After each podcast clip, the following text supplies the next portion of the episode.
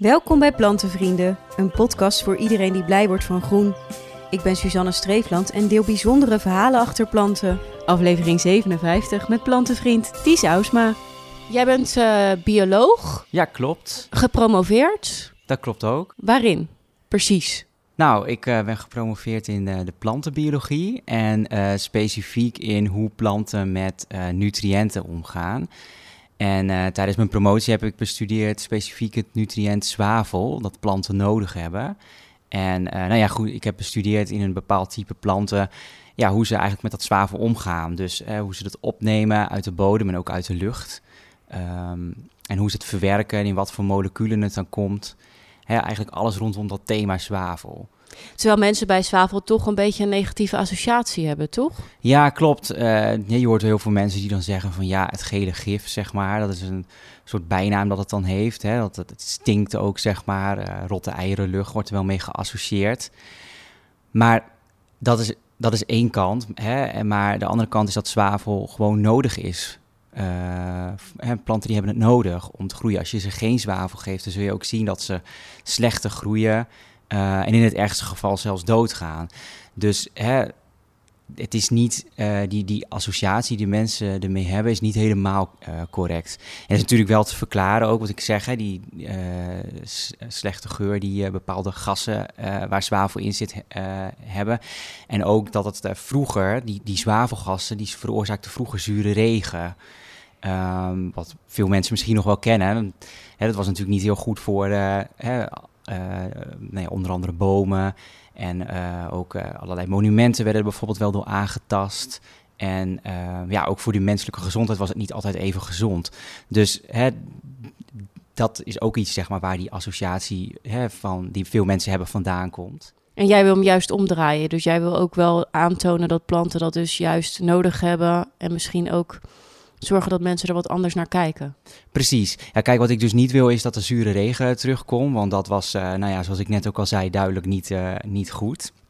Maar wat ik wel wil, is dat hè, mensen beseffen dat, dat en, zeker ook boeren, zeg maar, beseffen dat zwavel eh, nodig is voor het goed groeien van, van gewassen. En ehm, dat ze ook beseffen dat in, in veel gebieden niet genoeg zwavel aanwezig is voor de optimale groei van eh, gewassen. En dat is ook weer direct te linken aan wat ik eigenlijk net zei met die zure regen. Hè, toen dat verdween, eh, hè, dan zou je kunnen denken, ja, iedereen vindt dat, mm, hè, zou, dat, zou dat goed vinden, want dan heb je een milieuprobleem, om het zo te noemen, opgelost. Maar ja, het, het gevolg was eigenlijk dat er toen weer te weinig zwavel was. Dus ga je van een situatie waarin er problemen worden veroorzaakt door het zwavelgas, naar een situatie waarin dan weer niet genoeg zwavel is in eh, ja, bepaalde gebieden. Hè, dus zwavel is eigenlijk één dingetje, maar hè, we hebben natuurlijk veel over stikstof, ook fosfor. Zo zijn er een aantal andere nutriënten waar ook veel studie naar wordt gedaan en ook nodig is om ook die eh, bemesting voor planten te optimaliseren van die nutriënten. En waarom zou je die nutriënten willen bestuderen? Ja, het is dus belangrijk, zeg maar, omdat de landbouw voor nou ja, best wel grote uitdagingen staat.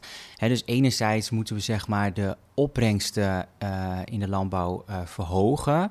Hè, dus in, geval wereldwijd gezien, omdat er nog best wel veel honger eh, voorkomt. En als de wereldbevolking blijft stijgen, dan ja, zal er ook zeg maar, meer voedsel moeten komen. En ook van hoogwaardige kwaliteit. Dat is ook zeg maar, wel belangrijk om erbij te zeggen. Dus het moeten wel ook planten zijn die ehm, nou ja, hè, de, gezond zijn, zeg maar. Dus de juiste inhoudstoffen en zo bevatten.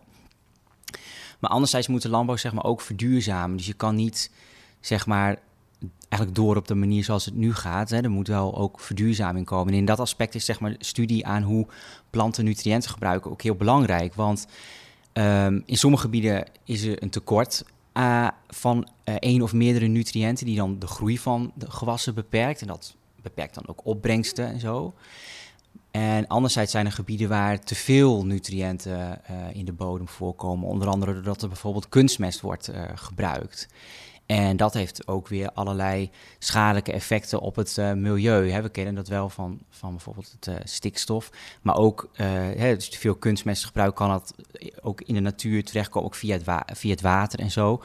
Wat dan allerlei negatieve effecten heeft op de vegetatie die daar eh, voorkomt. Dus eigenlijk is het goed om exact de juiste hoeveelheid nutriënt aan, aan je gewas te geven. En om die hoeveelheid te vinden is er heel veel studie nodig. Want dan moet je dus hè, bestuderen, ja, hoeveel heeft de plant nou eigenlijk nodig?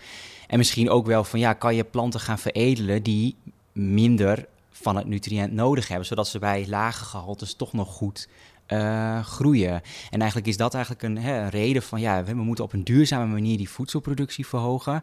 En nutriënten die ja, zijn daar best wel een belangrijke schakel in om dan dus ook studie te doen aan hoe planten uh, nutriënten gebruiken. Maar moet jij dan heel de wereld af of uh, hoe doe je dat? Nee, ik zit vooral in een lab.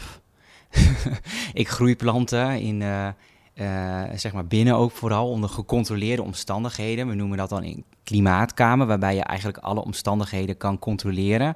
En dan kan je dus één factor gaan variëren en kijken wat het effect daarvan is. dus dan kan je bijvoorbeeld zeggen van nou, ik groei een plant met meer of minder van een, bepaald nutriënt. Dus bijvoorbeeld zwavel, zoals ik uh, heb gedaan tijdens mijn PhD. Maar ik kan ook uh, andere nutriënten gaan bestuderen. En dan kan je dus echt kijken van oh, ik heb alleen die factor gevarieerd wat gebeurt er dan met de planten? Um, hoe, hoe, groeien ze dan? Uh, maar ook zeg maar, van wat gebeurt er eigenlijk inwendig in een plant? Zeg maar, hoe uh, veranderen processen die, de, die in die plant zitten? En uh, jij geeft nu zelf ook nog les? Ja, klopt. Ik ben nu docent-onderzoeker bij de Hans Hogeschool in Groningen. En uh, ja, daar geef ik dus uh, zeg maar les bij het Instituut voor uh, Life Science en Technology. En ik zit ook bij het kenniscentrum Biobased Economy daar. Die zeg maar onderzoek doen aan het verduurzamen van, van de samenleving. En daar ben ik nu dus terecht gekomen om verder onderzoek te doen aan planten. En dit is dan echt jouw onderzoek, maar je bent natuurlijk sowieso in de plantenbiologie terechtgekomen omdat je veel interesse hebt in planten, neem ik aan. Ja, klopt. Ja, eigenlijk is mijn interesse in planten zeg maar al heel lang geleden gekomen, zeg maar, toen ik nog een kind was. Ik denk vooral door toedoen van mijn oma, zeg maar. We gingen er vaak fietsen, zeg maar, door het Groningse platteland waar ik dan vandaan kom. En uh, nou ja, eh, mijn oma die wees dan zeg maar planten aan. En dan zei ze van nou, die is die naam en deze naam. En dan gingen die planten drogen zeg maar tussen boeken. En dan inplakken en de namen erbij schrijven. Dus eigenlijk toen zag ik al een beetje van ja, hè, planten zijn echt heel erg mooi en superleuk. En later zeg maar besefte ik me ook dat planten eigenlijk heel belangrijk zijn. Omdat ze de basis zijn voor nou ja, heel veel dingen zeg maar. Voor bijvoorbeeld onze landbouw, zeg maar nu. Maar ook planten geven ons ook zuurstof. Dus ze zijn gewoon ontzettend belangrijk, zeg maar, ook voor de mens. En dat was eigenlijk ook een beetje hè, de nog verdere trigger voor mij om, om, om er zeg maar eigenlijk alles van te willen weten. En uh, ja, zo ben ik een beetje in die planten terechtgekomen in die wereld. Dus ja. En je oma blij? Ja, dat, uh, dat denk ik wel. En um, uh, een van de planten die jij interessant vindt is de poederkwast. Ja, ik dacht altijd dat die uh, koeientong heette, want dat is een naam die je in uh, Groningen wel veel hoort over die plant. Um, maar hij bleek dus, de, hij bleek dus poederkwast uh, te heten, omdat de bloem die die vormt een beetje op een soort poederige kwast lijkt. Waar komt hij normaal gesproken voor? Hij komt van nature voor in Zuid-Afrika onder andere. En hij is hier, wordt hij dus nu gebruikt als onder andere als kamerplant, zeg maar. Ja. En is die ook makkelijk te stekken? Ja, ik kan hem stekken, zeg maar. Uh, dus die plant die, die vormt dan op een gegeven moment nieuwe plantjes en die kan je, er, uh, kan je ze lostrekken, zeg maar, van elkaar. En dan, ja, zo heb je van één plant heb je er dan weer twee. Dus op zo'n manier is dat best wel makkelijk te doen. Ja, dus de plantjes die ik nu zeg maar geef, de stekjes, die komen ook van een andere plant die we al hadden.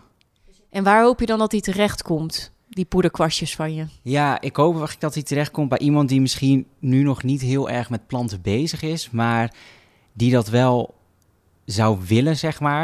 Het is eigenlijk een plant die weinig verzorging nodig heeft. Dus het is ook een heel makkelijke plant om mee te, mee te starten. En ik hoop dus dat iemand hem dan krijgt die denkt... hé, hey, planten, misschien vind ik dat wel interessant. Ik wil daar... Uh, ik wil wel wat meer kamerplanten hebben. En ik hoop dat die persoon dan gewoon gefascineerd raakt door uh, ja, planten. En daar dan ook nou ja, nog meer mee bezig gaat. En dat hoop ik eigenlijk. Net als jij eigenlijk. Ja, inderdaad.